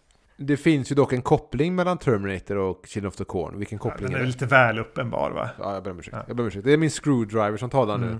Jag känner att den har, den, den har gått upp i huvudet. Den har dödat din subtilitet. Eh, det jag gillar med The Ring 2, början, är väl att, att den fortsätter att leka lite Scream där. Anslaget är att vi fortsätter den här lilla Scream-flörten i början av filmerna. Men att vi mm. försöker knorra till det. Men att det ändå ska kännas, och det här är naturligtvis inte medvetet, men lite blaskigare. Jo, men jag uppskattar ändå att det är två tonåringar Ja. i en villa. För det hade jag alltid lite svårt med i Scream. Att i Scream 2 när de ska ha den första, första scenen, det anslaget i filmen. Då var vi på en stor biosalong och allt var så stort. Och jag, och jag har nog alltid känt där att fan kunde man inte bara satt det med en ny tonåring likt Drew Barrymore i ett hus på något sätt och nästan gjort, alltså möjligtvis knorra till det men ge oss bara en, en en jävligt grym skräckkortfilm i ungefär samma, så därför uppskattade jag här att ah, okej, det är inte två kompisar den här gången, det är en tjej och en kille som ska titta på bandet, men vi är ungefär samma förortsmiljö. Jag uppskattar det. Ja, öppningssekvensen här. Alltså, hmm, den säger väl mycket om filmen också, känner jag. Jag känner att när den här snubben som dör här i öppningssekvensen, liksom hur han dör och han hamnar på något, med några konstiga effekter i, i videon för en kort stund och, eh, och så.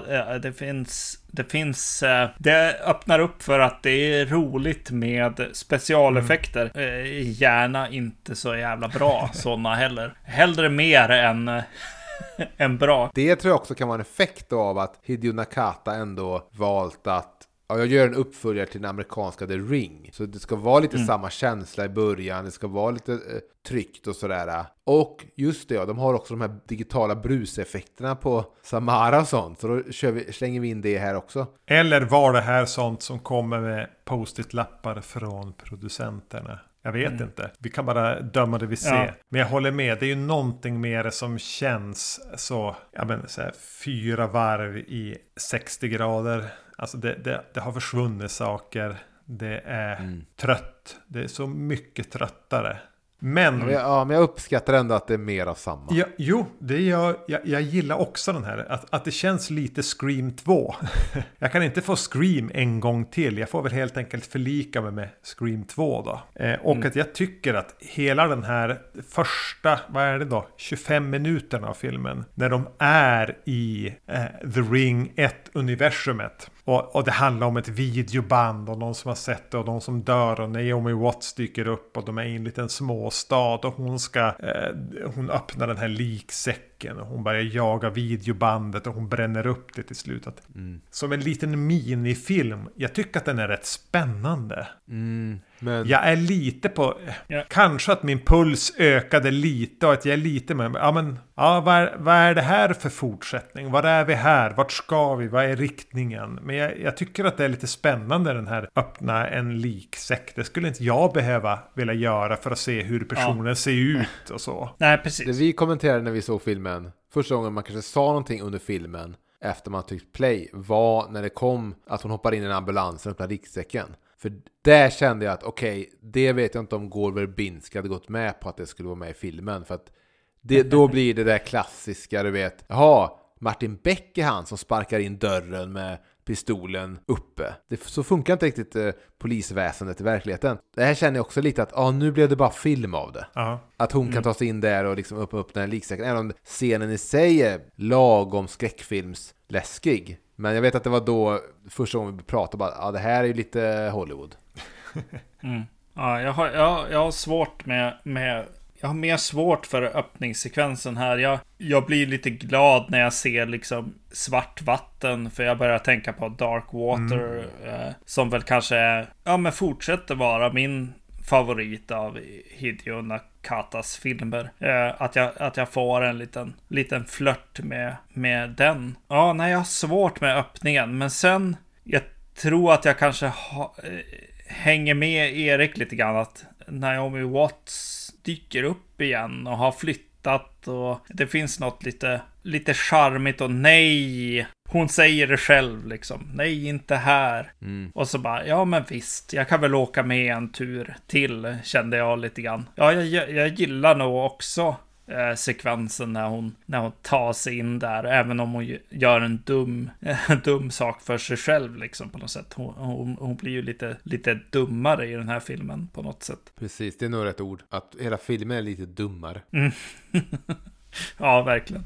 Eh, det skulle jag också säga. Ja, men jag tror att öppningssekvensen, bara för att hoppa in i öppningssekvensen igen. Jag, jag tror att den här filmen verkligen skulle eh, behöva att vi fick se videobandet i början. Lugna ner det lite grann. Låt nya tittare också följa med. Det här känns väldigt mycket som, ja men ska vi se ett till avsnitt?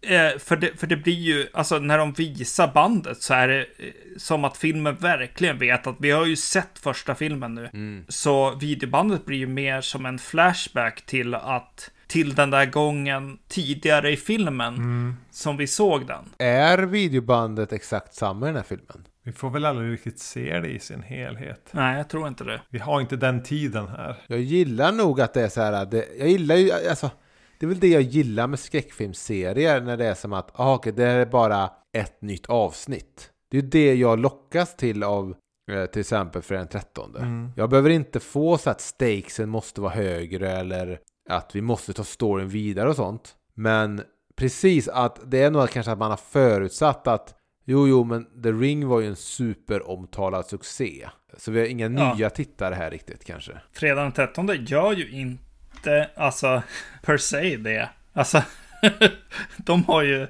last time on, alltså, det, detta har hänt eh, i början av, av sina filmer liksom, ofta. Det hade varit snyggt om de bara så här eh, i bion, det är mörkt, ni sitter med era popcorn och så bara så här blir allting svart. Inte ens en Dreamworks-logga, men så går bara bandet igång. Så får man se hela bandet i början. Ja, precis. Något sånt. Jag, jag trodde du skulle säga, alltså typ likt, eh, likt andra filmen i Sagan om ringen-grejen. Typ att vi skulle se henne hålla i eh, ett skelett nere i brunnen, liksom. Naomi Watts där eller någonting. Och säga några ord, liksom. Från förra filmen. Nej, det känns, så, kä- känns som den skyndar sig här. Jag får, jag får inte se den här som en, en film, utan jag får se den som en fortsättning som skyndar sig väldigt, väldigt Och mycket ha här i ett mål med hela första eh, 20 minuterna här. Och det är att bränna upp videobandet och gå vidare från den förbannelsen. Dock är det lite snyggt. Jag minns inte nu japanska tvåan, men ska man hålla kvar eh, Naomi Watts eh, och den här son och mamma-historien så är det ju ändå, det finns ju inte många sätt att göra det på annat än att Samara har fäst sig vid dem och kommer inte släppa dem av anledning X eller Y. Det, som är, men det finns, om man vill ha kvar dem så går det ju inte liksom bara att de råkar stöta på bandet igen. Så där har ju manusfattaren gjort det han var tvungen att göra. Annars hade de man kanske hade behövt göra det så att de läser någonting om ett mord som skett långt därifrån och Naomi Watts får ett samhällskval och känner att vi måste ta oss dit och så blir det en sån story av det att de aktivt beger sig för att rädda situationen. Ja, det blir ju liksom frågetecknet som hänger över hela den här filmen. Bara, vad vill du Samara? För du ville en sak i första filmen och det var att döda alla. Att liksom din bitterhet och ditt hat mot alla över hur, hur, hur ditt liv tedde sig ska liksom gå ut över alla som råkar se det här videobandet. Men precis som ett, ett, eh, en ung och arg rockartist som med åren så blir du mycket mildare och timidare. Och egentligen vill du bara ha en mamma. Så det är ju märkligt Ja, det- att, att, ja. att eh, tweaka om hela, hela liksom, eh, syftet och, och idén med ondskan i filmen. Att vara en, en enkelspårig, enkelriktad kraft. Till att, att bli en, en varelse med liksom en agens som vill någonting. Ja, det är ju en Dark Water-remake på Ja. det sättet. Men re- regisserade inte den här regissören även Dark Water? Ja, Men inte remaken. Det är någon av de här spanska eller vad det nu är. Okej, jag minns att remaken var rätt soft också. Utspelar sig i Brooklyn tror jag och är så här väldigt brun och väldigt också tryckande. Med, med stor dos drama, men också lagom mycket skräck. Jo, men vadå med om... Hon hade väl sin... eh, riktning som var typ jag hatar världen och jag ska hämnas som den emo-flicka med svart hår som jag är. Ja, Men sen så fastnade hon väl helt enkelt för Naomi Watts. För att hon kom till hennes lilla krypin och visade känslor för henne. eller Ja, någonting, ja. Ja, kanske. kanske. Men det är någonting med liksom en så här evig hämndlysten spökkraft som kan ändra sin riktning från hat och förstörelse till krama mig. Som in, ja, ja, Ja. ja. för, ja mm, nej. ja, Hon känns Yes. inte så läskig längre. Hon är ju inte liksom ett hot för någon annan än Naomi Watts längre. nej. Nej, det blir ju ännu mer bara ett drama med den här mamman och sonen nu. Det är ju inte risk för någon annan. Men, men, men hur sku, har ni någon idé om hur de skulle gjort det annars? Vilken väg skulle de Alltså jag tagit vet inte. Alltså, jag kan väl tycka det är bra i sig att lämna det här jävla videobandet. Framförallt 2005. Men är det här rätt Samtidigt det väg? lite, kan det vara lite... Men de använder ju Ouija bräden fortfarande i filmer. Det finns ju ändå, Anden i glaset är lika läskigt nu som då. Det finns ju, alltså att de hittar ett, ett gammalt videoband, en gammal, bara för det är gammal teknik, gör det inte mindre läskigt, eh, tycker jag. Men det hade ju funnits en möjlighet här också tre år senare att säga de lämnar ett band, skit i de, de karaktärerna, vi gör en helt ny story. med någon ny som hittar bandet. Det hade ju också gått, man hade ju inte behövt liksom göra det här till Rachel och Aiden historien. Ja, men jag, Så intressanta var ju inte, men jag älskar Naomi Watts som alla andra gör, men det hade ju verkligen inte behövt vara en fortsättning på deras story. En uppföljare. nej men ja, nu är det det vi har. Så visst, eh, gör det då. Alltså jag vet inte, det gör de ju inte i... Eller den japanska krånglar ju till det ännu mer, som jag minns det. Mm. Men, eh, ja, jag vet inte fan. vet du vad jag tycker är trevligt? Nej. Det är att de väljer att flytta till Astoria. Mm. Här utspelas The Goonies. Ja, ja, ja. Du deppar att de lämnar Seattle eller? Jag vet inte, hade jag suttit i, i det manusrummet och Erin Kruger slängt fram det, vad sägs om att de har flyttat till en småstad istället? Så hade jag varit lite, ja det är ett sätt att göra det på där jag kan köpa det, men vi kan också låta det utspela sig i Seattle igen eller i en annan storstad med samma regniga, tryckande atmosfär. Jag, jag vet inte om jag tycker att det är en fördel eller nackdel, det var ett val man gjorde. Mm. Och det är väl helt okej. Jag önskar väl att den där småstaden hade sett ut mer eh, som det ser ut där ute där Brian Cox bor i första filmen. Den, den här visuella looken är ju lite borta i den här filmen. Ja, jo. Så här känns det här, här börjar kännas lite mer, det var han Simon Baker heter skådespelaren som spelar den här journalisten som är någon sorts, något sorts kärleksintresse.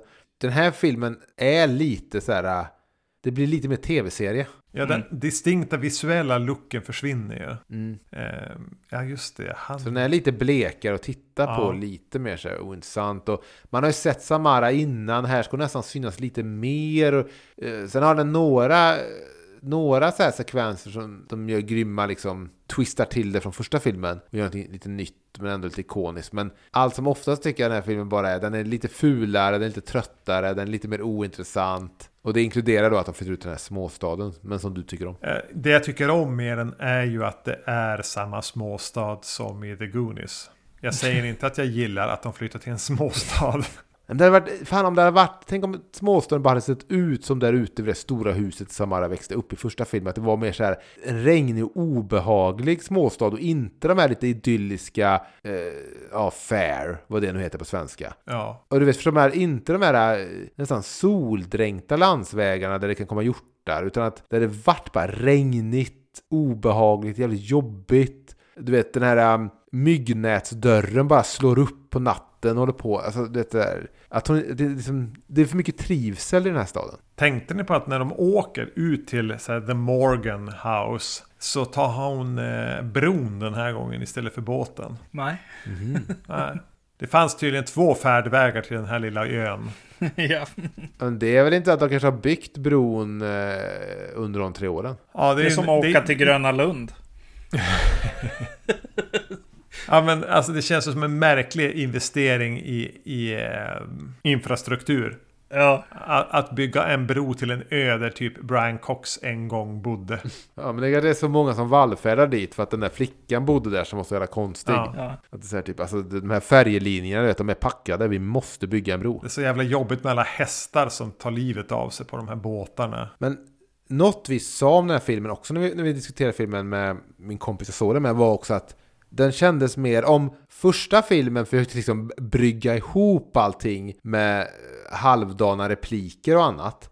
Mm. Den här filmen tyckte jag nästan bara hoppade fram i handlingen utan att riktigt grunda och få med mig i det som hände. Ja. Hela den här idén som kom att Samara försöker ta över Aidens, Aiden och komma ut i verkligheten. Det känns nästan som att när jag såg den och jag satt verkligen koncentrerat och jag hade ingen telefon uppe eller någonting.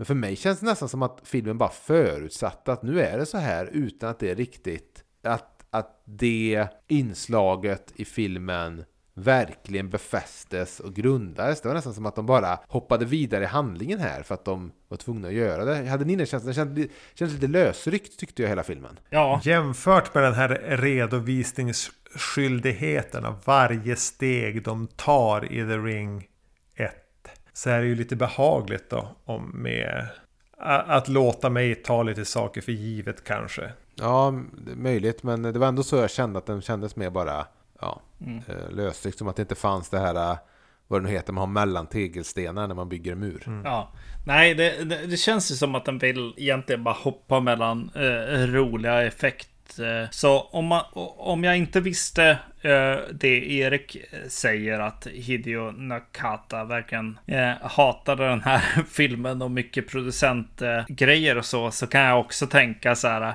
när jag ser den så tänker jag bara ja, men nu åkte han till Hollywood en stund och bara körde igång effektmaskinen liksom Eh, kanske istället för scenografi och foto och eh, skådespelare och eh, så vidare. Liksom budgeten gick till, till att ha roligt med effekter nu när man är i Hollywood lite, lite grann. Det, det är en mm. liten känsla som går genom filmen på något sätt. Eh, att, att den vill bara hoppa mellan att ha roligt med, med effekterna eh, som ju inte är redo för för att göra de här sekvenserna ens en gång. Så det är väldigt, ja men eh, so, som sagt, det blir ju inte grundat på det sättet liksom, utan, utan bara, ja men nu kör vi lite grann. Mm. Det kanske blir den konstiga liksom behållningen eller, eller när jag så här myser till lite grann. Och jag tycker att det är en, det är en väldigt billig liksom plats. Men varje gång jag ser en bild på hennes nya jobb. Mm. Då känner jag att så här, ja men det här är ju i samma universum som eh, förra filmen. Ja, de har skalat ner det bara lite grann. Ja, så, så, så, varje gång den, den dyker upp, den lilla korsningen liksom, och, och det är på plats och eh, även om det är krympt liksom, så, så är det någonting verkligt på något sätt. Ja. Det, ja, nej, det är lite jobbigt. Och då, då är ju jag en person som gillar till exempel M Street 2 som eh, tar det någon annanstans och tar det till så här, och jag ska ta över en kropp och, och komma in i den verkliga världen och, och hela den biten liksom. Men här så skulle jag kunna följa med på den his historien, men det finns inget mer där på något sätt det är historien, men det är inte hjärtat ligger inte där. Ja, men det är ju någonting att när Ring, Ringu lämnar den här eh, förbannelsen som förs över med, med ett brusigt videoband och försöker ta det till next level. Mm. Så blir det väldigt mediokert. Då blandas den ganska snabbt upp med hundra andra idéer om mm ensamma spöken som vill ta ett barns plats för att få krama en mamma. Mm. Eller liknande. Alltså eh, ett spöke som kram, klamrar sig fast vid en karaktär. Ett barn som blir besatt av en vän från andra sidan. Alltså det blir som bara ett gytter av icke-unika idéer.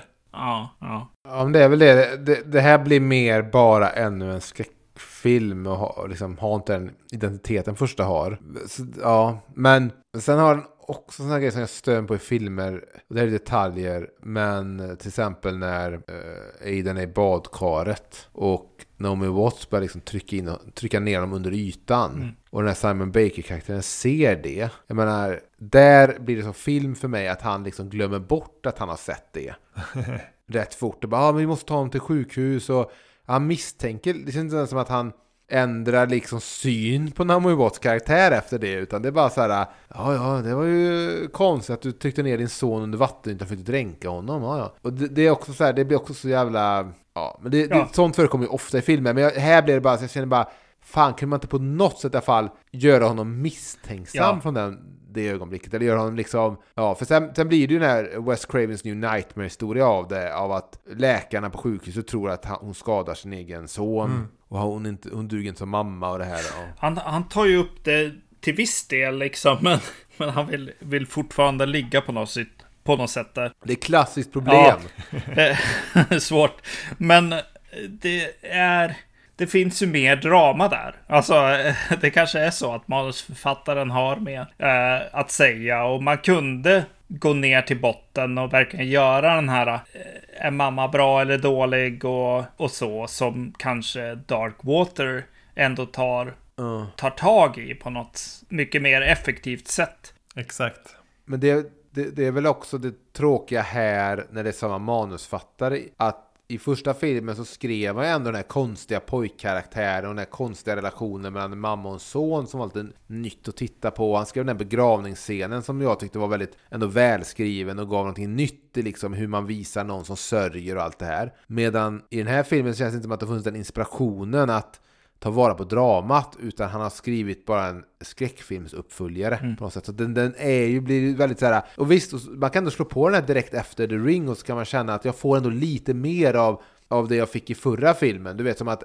ta heroin andra gången när man har upplevt nå- nå- eller Nirvana första gången. Det blir aldrig lika bra om man försöker nå, du vet, man försöker ta det man får för att nå samma Ja. lite. Men ja, jag, faktiskt, jag vet inte hur mycket jag har att Nej. säga om den här filmen, men eh, så ni kan Ja, ta det, eh, men precis. Det, det som ligger kvar i hu- bakhuvudet är ju lite grann att var, var kanske allt redan berättat i första filmen. Det är väl där jag, jag hamnar mycket, mycket i filmen. Och eh, jag gillar inte riktigt vart, den- vart den tar vägen heller liksom. Jag, jag, jag gissar att min, eh, jag är väldigt färgad av min egna fanfiction där med, med häxsammen och så. Att åka och hälsa på den fa- faktiska mamman och det blir inte så jävla spännande. Nej, verkligen. Nej, det är väldigt mycket som att vi behöver mer handling. Så vi skriver en handling. Men den, hela filmen också liksom rör sig fram ändå mot ett slut. Där man, man minns scenen när Sadak och Samara kommer ut ur tvn. Jag minns ju Ring 2 när hon hoppar fram i den här hallen som jag kanske nämnt. Som jag tyckte var också,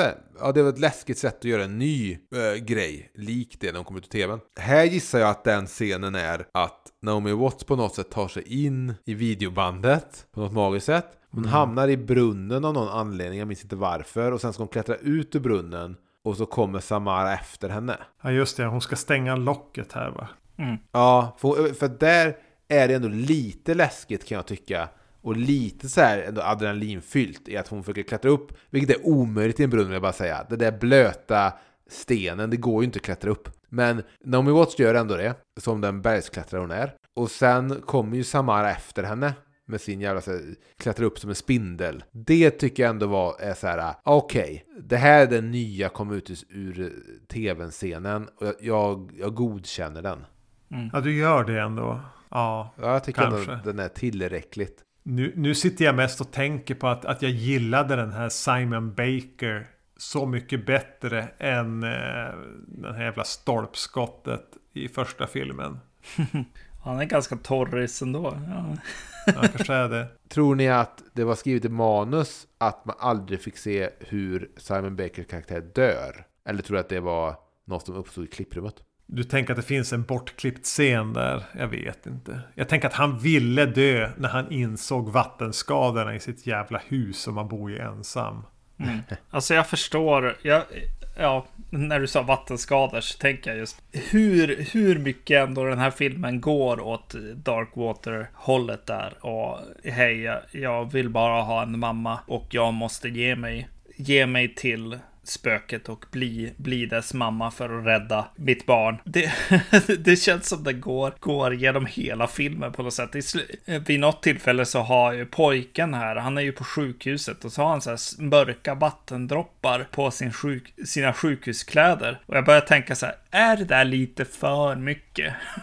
Går vi för långt med Darkwater-referenserna i den här filmen? Jag förstår nu utifrån vad, vad Erik har sagt, liksom. Mycket producenter har lagt sig i och eh, manusförfattaren kanske tvekar lite här och där och, och regissören vill berätta om sin egna mamma kanske. F för när jag börjar se sl slutet på den här filmen så börjar jag tänka så här, har Naomi Watts så här Tom Cruisat sig i den här filmen lite. Är det, är det hon som har gått in och sagt liksom, borde jag inte säga så här, I'm not your eh, fucking mother och... Just det, ja. ja. Vore det inte coolt om jag, jag offrar mig själv för min son istället för att döda honom? Lite, lite så här... som, som det verkar som när man ser bakom kulisserna och eh, på Tom Cruise-filmer. Mm. Att Tom Cruise att, inte, hon... inte har koll på filmberättande överhuvudtaget egentligen, utan mer berättande om sin egna karaktär. Alltså med att hon hade något jävla förhandlingsläge efter första filmen och, och producenterna var liksom i, i hennes våld för att de verkligen behövde henne för en uppföljare. Ja. Jag började faktiskt titta efter så här, har hon någon producent liksom roll här och sånt? För att hon, hon verkar få göra så jävla uppoffrande, liksom coola grejer mot, i alla fall mot slutet liksom. Och kanske genom filmen. Ja, nej, det är nog bara Amerika. det finns väl ändå någonting innan hon kommer hem och Aiden, hon, hon vet om att Samara har tagit över Aiden. Aiden sitter i, i soffan. Det är klassiskt mm. det där med du mm. vet, ja, allt från Exorcisten till Friend 13, eller till Terapeut 2 och allting. Men det finns någonting som är lite obehagligt ändå med det där när hon ska söva honom med de här jordnötssmörsmackorna och det här. Alltså, jag tycker inte det är jättedåligt, men det, det är inte riktigt den The Ring-filmen jag vill ha kanske, men jag tycker det är väl tillräckligt småputtrande läskigt. Ja, men det är nog det jag menar lite grann, att, att eh, om Tom Cruise inte hade sagt sitt så, så hade den här filmen gått åt ett mm. mycket mörkare ställe på något sätt. Det, det, känns som den hela vägen, hela tiden är på väg där. Den här barnföda depressionen och ja, jag måste döda mitt barn för att eh, rädda det. Jag måste bli spökets eh, mamma för att rädda mitt egna, min egna son. Psych!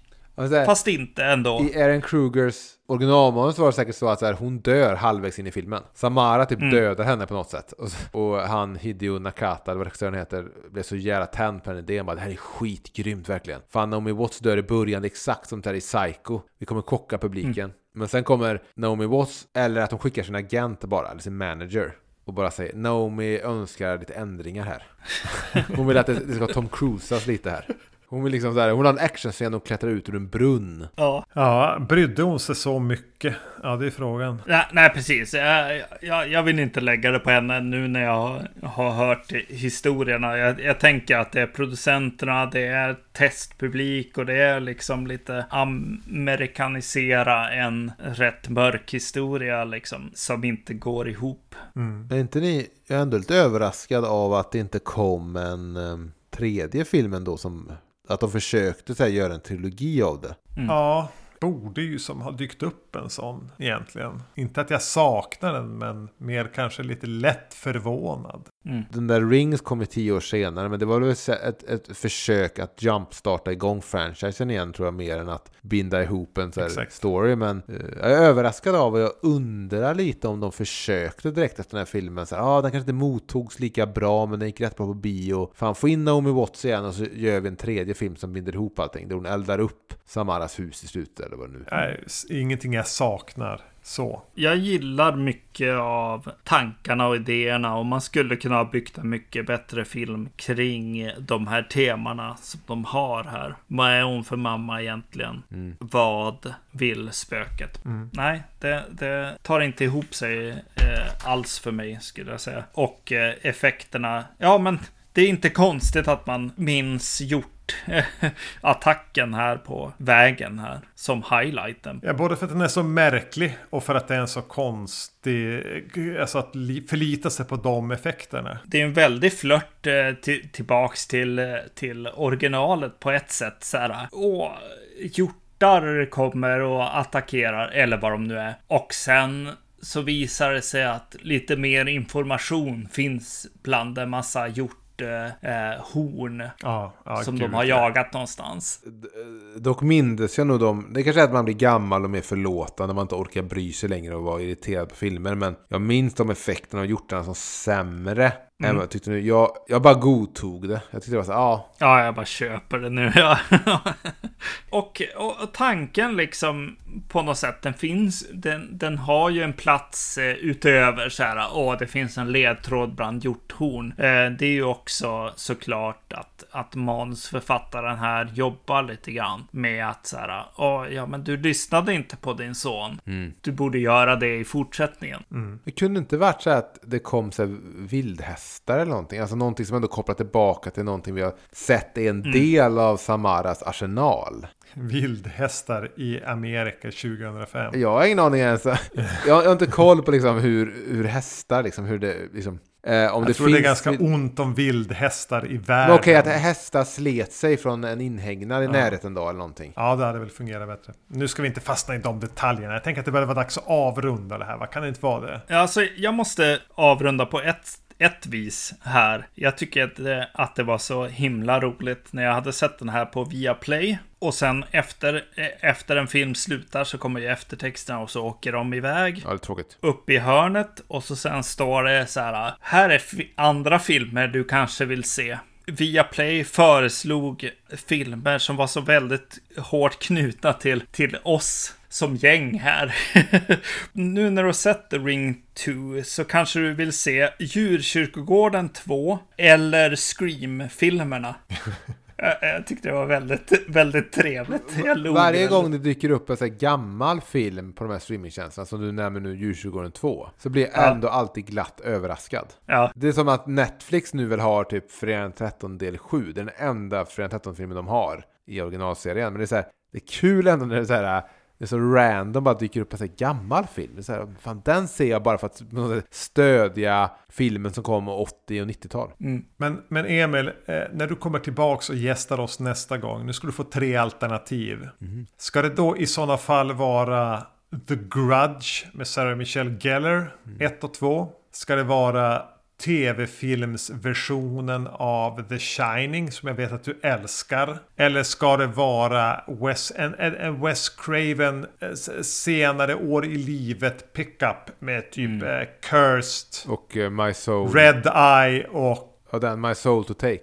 Ja Precis. My soul to take. Jag, jag, jag förstår att ni bara vill ha ett snabbt svar här. Jag kan säga att Grudge-filmen är helt ointresserad av. Vem fan är inte det? De behöver jag inte se om. Jag vet att Bill Pullman är med i en liten, liten, liten roll i första där med Sarah Michelle Gellar. Sen, Ja, Magnus favoritskådis.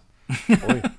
Sen, eh, vad var det andra alternativet? And- Andra alternativet var, ja, The Shining TV-filmsversionen. Den är jag lite så här rädd att se om för att jag tycker den, den är fortfarande obehaglig när jag tänker tillbaka på den. Sen Wes Craven, ja Red Eye var ju bra. Cursed var väl också mycket att eh, producenter gick in och förstörde för honom på den. My Soul to Take är en sån film som har funnits på Netflix nyligen eller någonting. Den har funnits att se och jag var nära att se om den. Eh, ni kan få välja mellan de två sista så länge det inte blir Grudge. Då bestämmer vi ingenting här och, och nu i alla fall. Men eh, var hittar man dig Emil annars?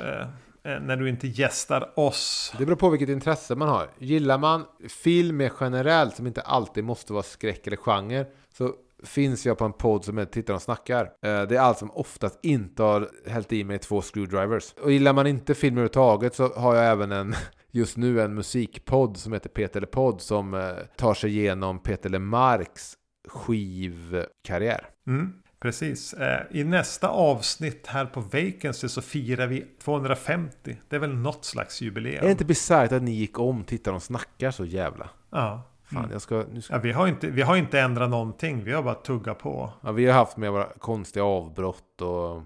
Ja. Ja, ja, men jag ska komma ikapp. Vi kommer att fira det med eh, Ken Russell-avsnitt. Med Crimes of Passion, Gothic och eh, Lair of the White Worm. Har du något att säga om någon av de filmerna? Eller Ken Russell, Emil? Eh, Men det låter ju underbart. Det låter som en underbar filmkväll och, och dra de tre i rad. Ja, det kommer det förmodligen att vara om det, det vore så att jag orkade med sånt längre.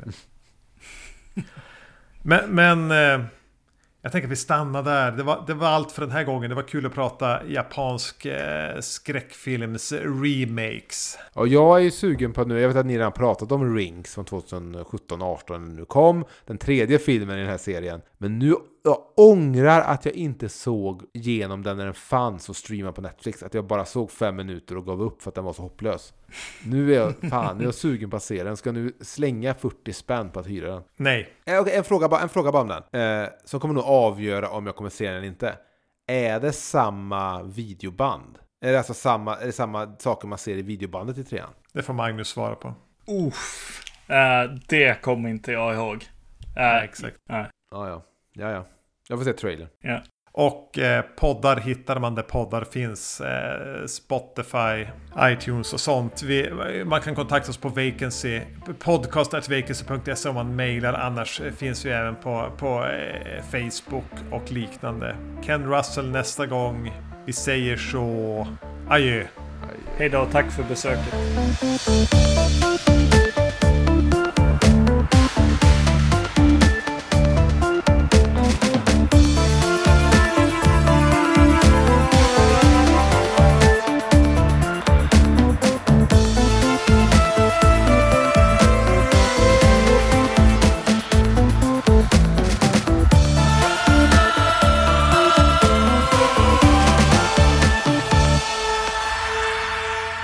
Vad roligt att specificera liksom vegetarisk ärtsoppa.